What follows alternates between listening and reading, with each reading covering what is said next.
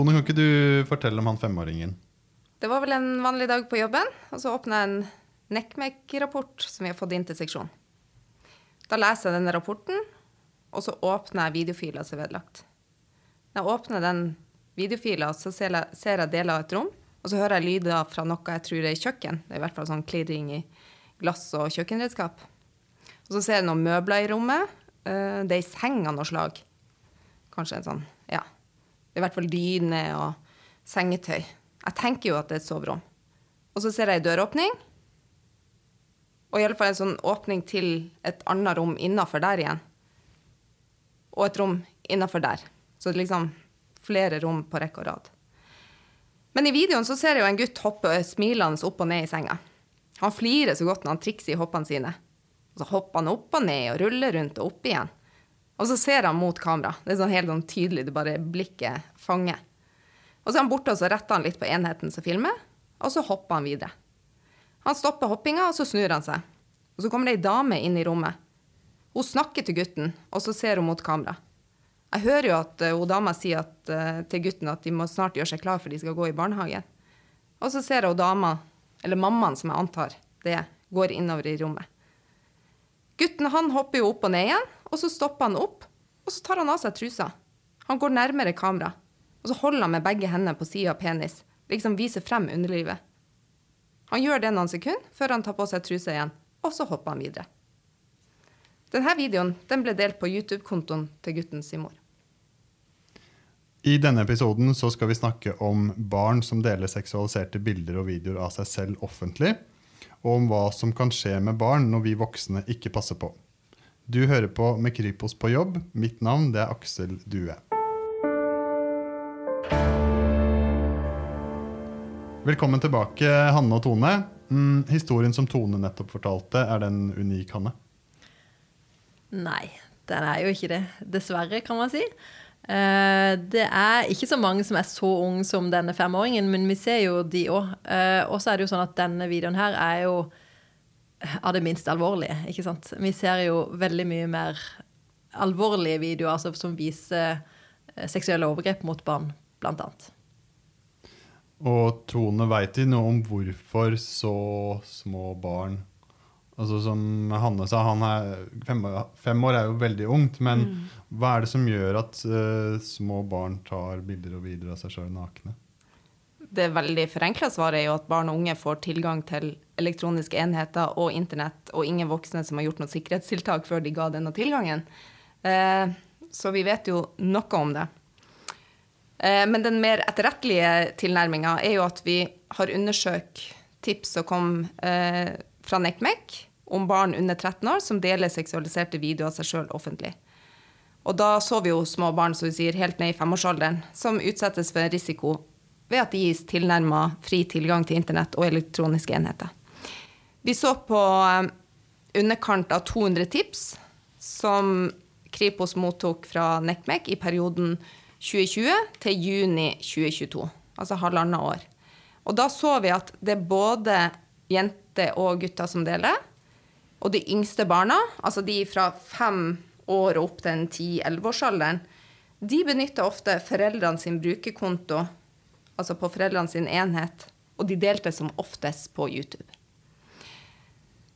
Sånn eh, typisk at de hadde foresatte sine iPader og så på YouTube mens foreldrene gjorde et eller annet, eller kanskje de skulle sove litt ekstra om morgenen eller lage middag eller lignende. Så, så jeg beskrev i, i filmen her hvor vi så mora kommer inn, og hun driver og ordner på morgenen, og så hopper gutten opp og ned der i senga og ser på YouTube.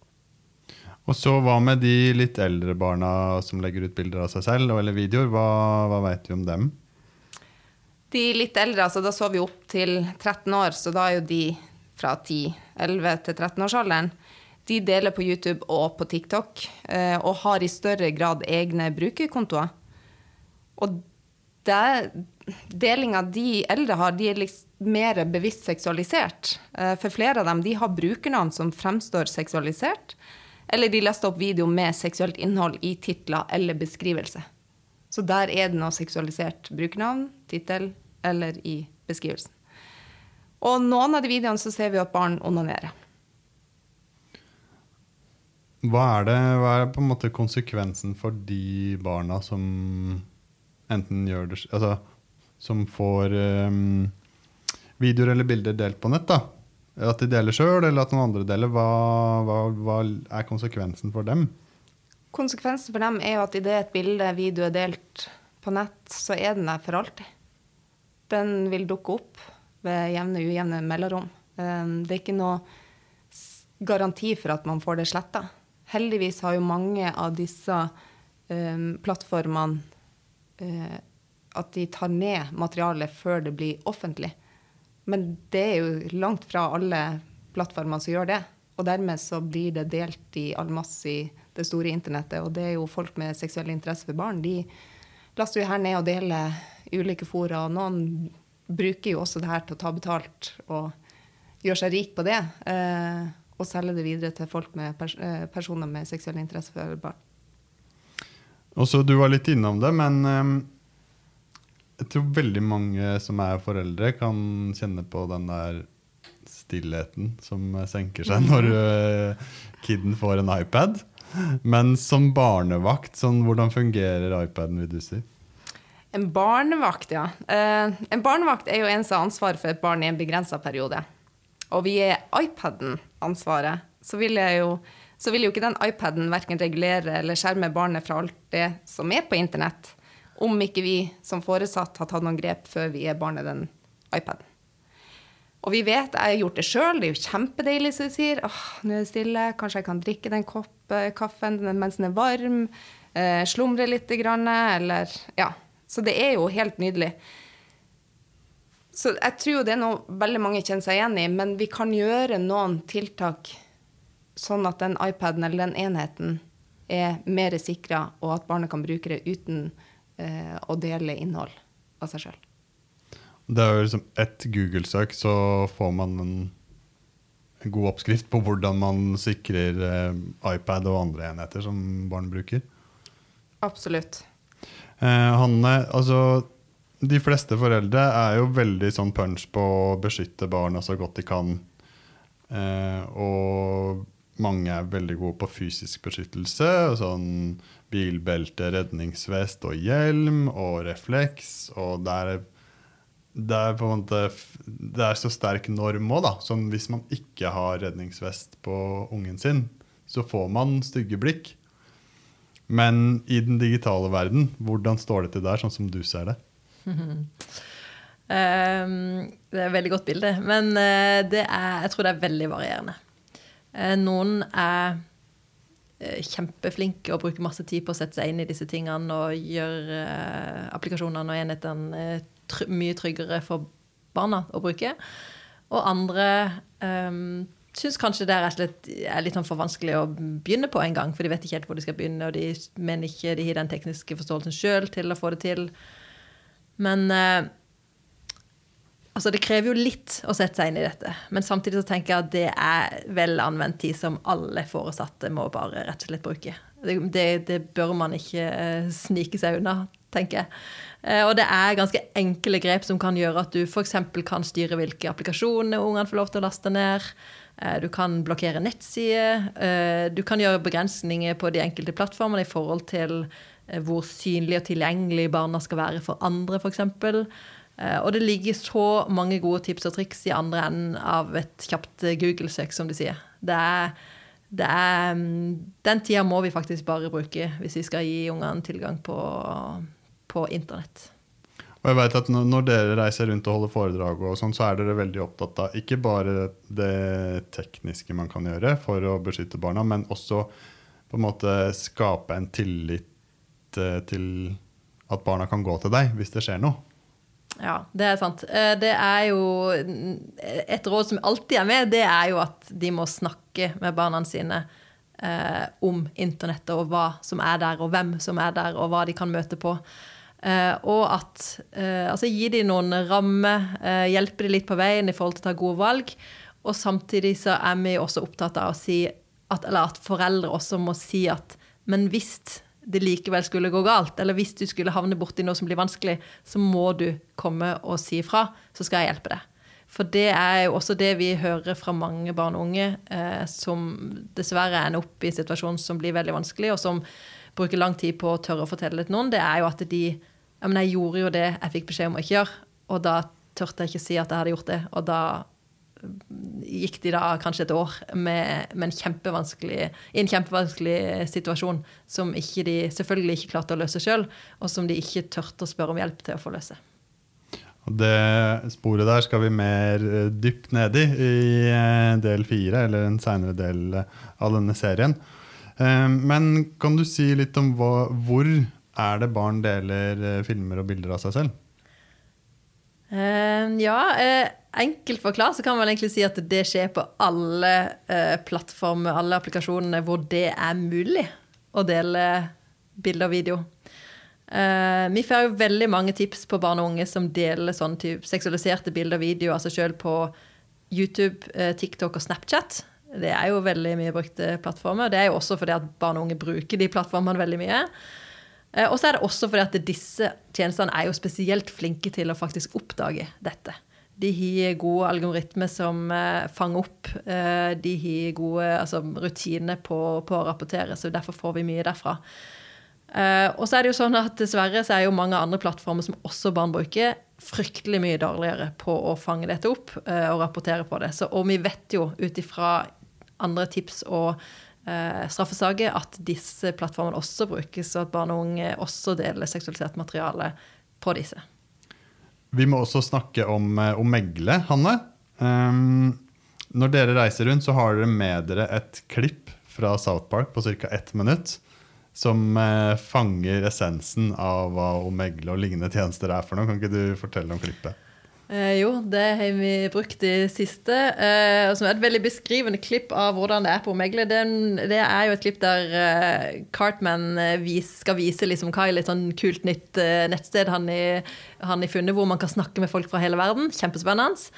Uh, og så er det jo sånn at Når de da klikker på å komme i kontakt med andre på denne videochat-tjenesten, så det eneste de møter på, er jo voksne menn som sitter ned uh, på kamera. Uh, og det er jo egentlig altså helt satt på spissen, selvfølgelig, men ganske beskrivende av hvordan Omegle er. Og hva er, på, hva er, det ment som å være? Altså, hva slags sted er det sånn i stort? Ja, det er jo en såkalt chatroulette-plattform.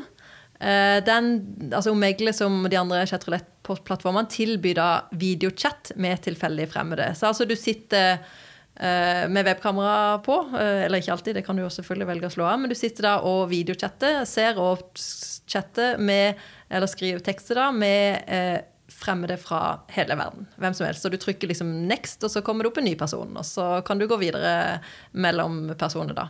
Eh, det fins mange sånne typer sider. Eh, Omegle er kanskje den mest kjente. Um, og det kan jo sikkert høres hyggelig ut å skulle kunne møte folk fra hele verden. Uh, og intensjonen var sikkert egentlig bra, den. Uh, men dessverre så er det sånn at en stor andel av brukerne på bl.a. Omegle, det er voksne menn som enten bare har et ønske om å vise seg fram, altså blotte seg for fremmede folk, eller som faktisk har en seksuell interesse for barn og er ute etter å komme i kontakt med barn som de kan utnytte seksuelt.